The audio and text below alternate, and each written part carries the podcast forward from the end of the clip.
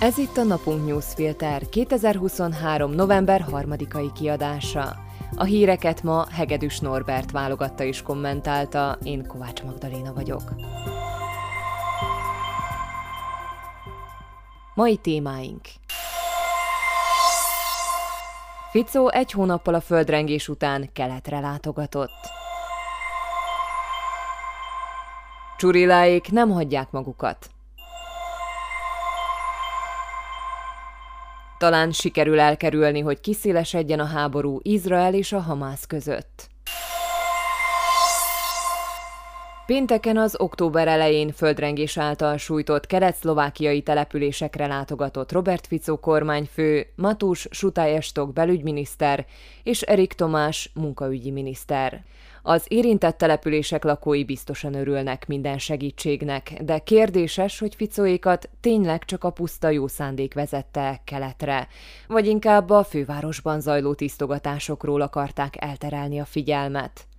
Az állam megtéríti a földrengés által okozott teljes kárt, mint egy 16 millió euró összegben. Ez volt Ficó legfőbb üzenete.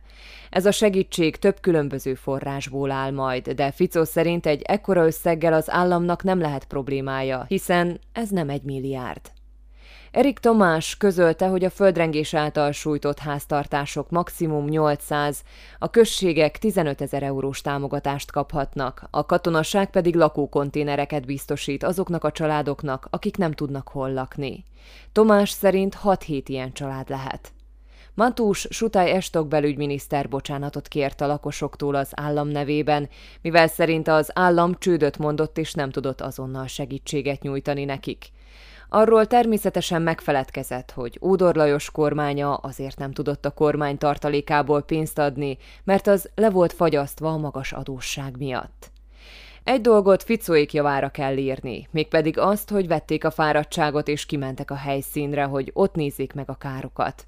Ugyanaz ott élő embereknek ettől semmivel sem lesz jobb, mégis egy fontos gesztusról volt szó, mely fájdalmasan hiányzott Ódor Lajos kormányfőtől. Nyilvánvaló, hogy Robert Fico jelenleg minden alkalmat megragad, hogy eljátsza az emberekről gondoskodó és mindenhol rendettevő új kormányfő szerepét, hiszen égető szüksége van jó hírekre is, hogy a sajtó ne csak az új kormány tisztogatásairól írjon. Efféle akció volt a hét elejé egy éjszakás határellenőrzés, és talán ilyesmi volt ez az út is. Reméljük, hogy a földrengés áldozatai kapnak valamit a megígért pénzből, és legalább valakinek lesz haszna az egészből. És hogy miről akarják Ficóik elterelni a figyelmet? Például arról, hogy a Ján Csurilla körüli nyomozók fellebezést adtak be amiatt, hogy Matús Sutály Estok belügyminiszter felmentette őket a szolgálat alól.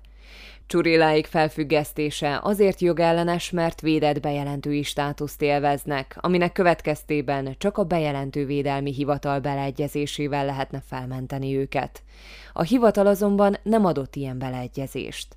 Sutály Estok döntése ezért törvénytelen, ami miatt akár 700 ezer eurós büntetést is kaphat a minisztérium.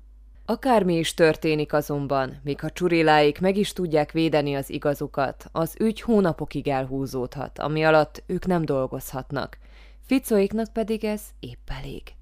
Tisztogatásba kezdene a frissen kinevezett környezetvédelmi miniszter is, Tomás Taraba, csak hogy ő is egy védett bejelentői státuszú személybe ütközött. Jan Jencsó a minisztérium belső ellenőrzésének vezetője.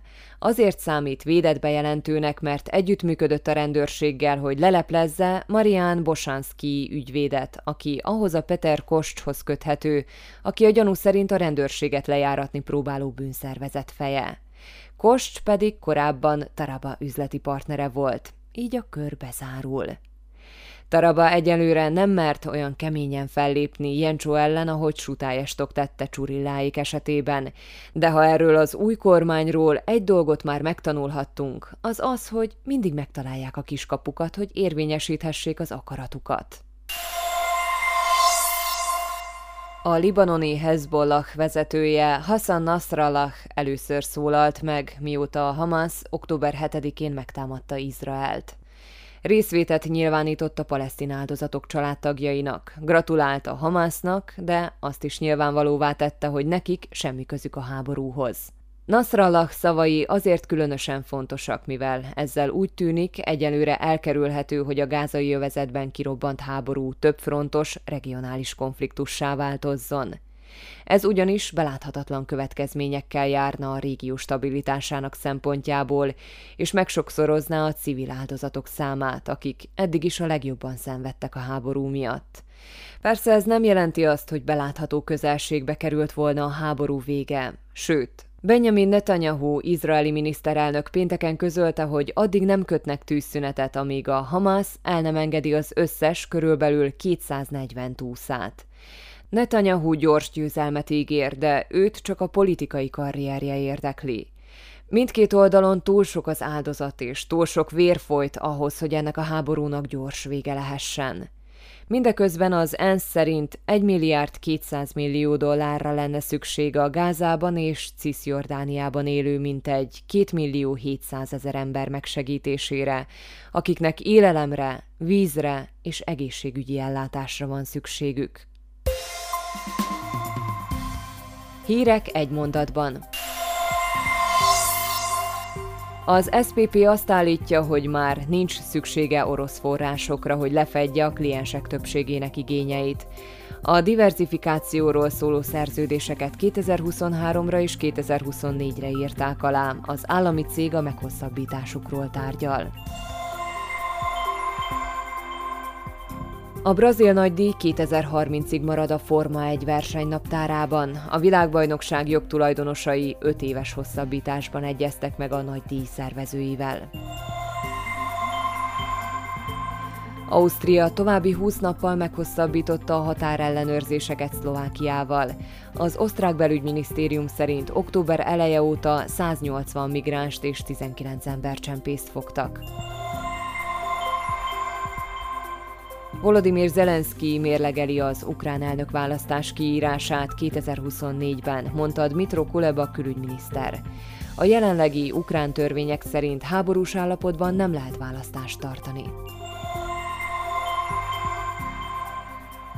Robert Fico szerint a kormány nem fogja megreformálni az önkormányzatokat, ha azok maguk nem állnak elő valamilyen javaslattal. Ódor Lajos kormánya a további decentralizációt javasolta. Távol létében 8 és fél évre ítélték a Pussy Riot tagját, Piotr Verzilovot. A bíróság szerint a Kreml irányában kritikus Verzilov az orosz hadseregről terjesztett hamis információkat.